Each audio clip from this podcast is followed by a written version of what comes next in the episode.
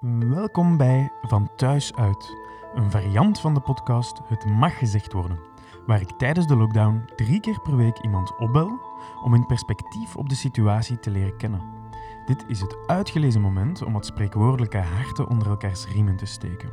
Het is de bedoeling om een gezellig gesprek te voeren, maar ook om het positieve te benadrukken en de opportuniteiten die deze tijden met zich meebrengen op te sporen. Vandaag belde ik met Bram Vermeers. De trouwe luisteraar kent hem misschien nog van het De Mening van Bram segment in sommige afleveringen van Het Mag Gezegd Worden.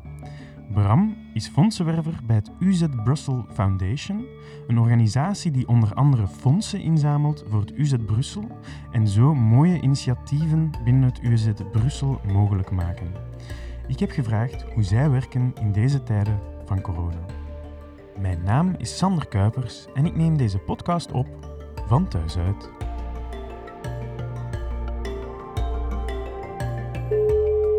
Hallo, met Bram. Hey Bram, alles goed? Yo, ik ben niet. Ja, ça va. Met u? Ja, ça va, ça va. Ik heb mijn bezigheid gevonden. Zeg Bram, jij werkt bij het UZ Brussel Foundation. Uh, kan je mij daar meer over vertellen? Wat is dat voor een organisatie? Wij zijn een stukje van het UZ Brussel. Mhm. En wij willen via allerlei initiatieven extra financiële middelen ophalen. En daarmee willen wij een aantoonbare meerwaarde creëren voor de patiënten en hun familie. Ja. Dus wij zijn eigenlijk de fondsenwervende tak van het UZ Brussel. Oké, dus dat is jullie Eh. relatie tegenover het UZ Brussel. Jullie verwerven de fondsen eigenlijk, ehm, zodat UZ Brussel daarmee aan de slag kan gaan. Ja, klopt. Oké. En daarmee willen wij dan, allee, niet alleen wij, kant het UZ Brussel, willen een warme, humane healing environment zijn. Meer dan eigenlijk enkel puur de zorg, maar gans het verhaal er rond ook ehm, voor de patiënt zo, zo gemakkelijk en zo ja, zorgzaam en warm mogelijk maken. Ja. Ehm, en dat is iets dat we willen, willen bereiken daarmee. Samen ook natuurlijk met de, de financiering van uh, klinisch en eh, translationeel innovatief wetenschappelijk onderzoek. Ja. Dat is een term die ik zelf eh, een paar keer heb moeten lezen voordat ik hem uh, door had. dat is goed, ik zal er een paar keer naar luisteren. Dat is goed. Mag hier op repeat een paar keer komen voor de mensen, dat ze het uh, goed verstaan. Dat is goed. Translationeel innovatief wetenschappelijk onderzoek. Translationeel innovatief wetenschappelijk onderzoek. Nu met die hele, die hele coronacrisis, wat verandert dat exact voor jullie dan? Voor ons verandert dat heel veel en weinig tegelijk. Ja, de, de aard van wat dat wij doen, mensen contacteren en vragen of dat zij het UZ Brussel willen steunen, dat is nu meer dan ooit actueel. Ja. In dat opzicht hebben wij enorm veel te doen. Maar langs de andere kant, waar dat wij dat normaal voor doen, ja, dat valt compleet uh, weg. Ja. Um, het nieuws, ja, je ziet maar één ding, dat is corona, corona, corona. Mm -hmm. En natuurlijk moeten wij daar dan in, uh, in meegaan. En onze acties die zijn nu ook helemaal toegespitst op corona. Dus onze normale uh, werking, allee, de, de fondsenwerving voor normale projecten, die ligt stil nu. Ja. Mensen kunnen nog altijd uh, veel schenkingen doen daarvoor. Daar staan we nog altijd voor open.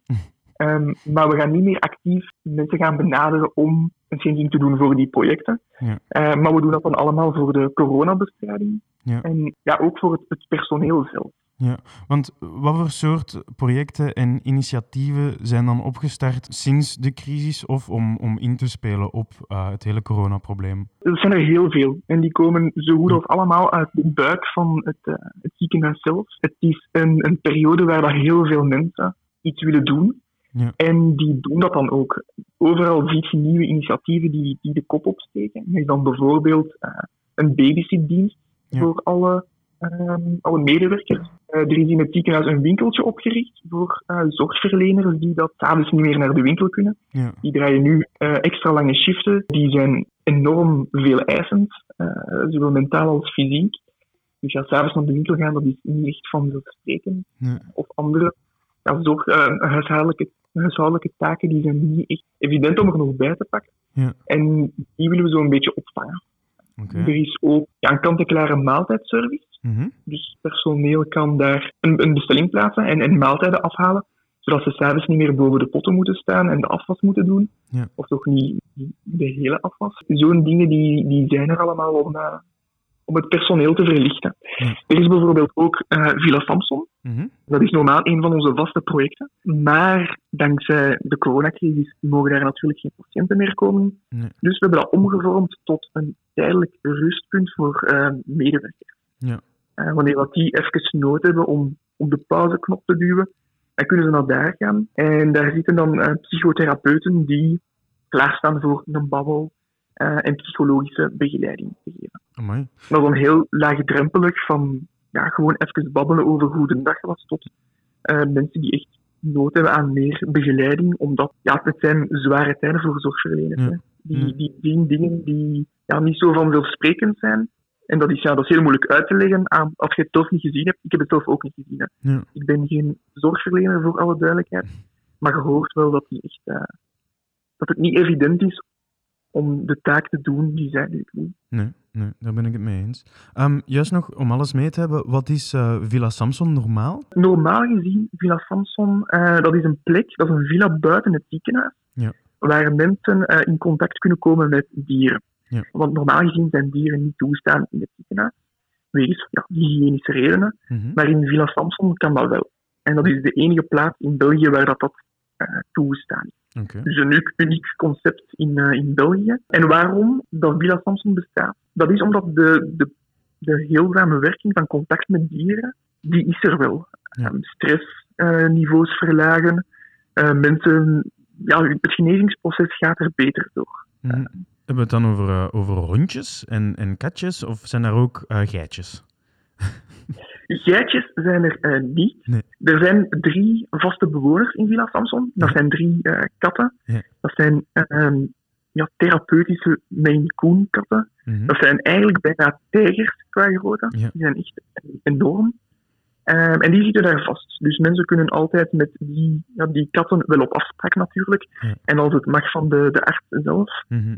ja, langskomen en even een moment hebben ook om te babbelen met eh, begeleiders Ja. en eh, contact hebben met die dieren. Ja, en een beetje te Of ontspannen. kunnen ook, ja, inderdaad. Ja. Er zijn ook eh, vrijwilligers die zelf een, een therapiehond hebben. Mhm. Die komen daar ook soms mee, mee langs. En dan zijn er ook momenten met, ja, met patiënten. Of ze kunnen ook zelf hun huisdier laten op bezoek komen, om dan nog eens hun huisdier te zien. Ja. Want dat zijn ja, de, de aspecten die vaak niet in eerste instantie bedacht worden al bij een ziekenhuisopname, Nee. maar die ook wel eh, wegen op een bepaalde manier. Ja, dat, dat kan ik En me dus manier- voorstellen. Ja, en op die manier eh, kunnen wij een, een, een bijdrage doen aan het genezingsproces. Mhm. Dat is mooi. Ik kan, ik kan me ook wel voorstellen dat in deze tijden van, van thuisblijven, dat fondsenwerven voornamelijk langs de digitale kanalen ehm, verloopt. Op welke manier verandert dat uw manier van werken dan? de briefwisselingcampagnes, die doen wij nog steeds. Natuurlijk wel toegespitst dan op corona Ja. ehm, en alles daar rond. Maar daarbij doen wij inderdaad nu ook digitale kanalen. Oké. En ja, qua, qua invloed op ons werk, ja, wij zitten allemaal van thuis nu te werken. Hè. Ja. Ehm, het is iets drukker dan normaal, Mhm. het zijn, zijn dagen. Maar je, je, ja, de energie die dat alles geeft en de voldoening dat je eruit haalt om te zien dat de impact zo direct is, Ja. dat, eh, dat motiveert heel hard. Ja, dat, dat kan ik geloven. Bram, is er nog een laatste boodschap die je de wereld in wil sturen? Ja, eh, kijk zeker eens op onze website voor onze andere projecten, want daar heb ik eh, nu niet kunnen over vertellen. Ja. Eh, zoals de Appeltuin en het Fonds voor Zeldzame Ziekten en onze kankerbestrijding en nog heel wat andere dingen. Ja. Kijk daarvoor op uzbrusselfoundation.be. Ik veronderstel dat je dat ook ergens in de comments eh, op Spotify en YouTube kan zetten. Ja. En neem zeker ook een bezoekje aan onze coronapagina. Een pagina die we speciaal hebben opgezet om alle coronasteun te centraliseren. En daar kan jij ook helpen. Oké, dat is tof. Bram, ik wil u ongelooflijk bedanken dat je met mij wou bellen over, het, eh, over de UZ UZ Brussel Foundation. En ik stel voor dat we, eh, wanneer de hele crisis en quarantaine over is, dat we er een keer heel diep op ingaan op het mag gezegd worden. Dat is een heel goed idee, Sander. Kijk goed. Tot snel. Ja, tot snel. Ade goed, hè, Bram. Ja, jij ook. Joe.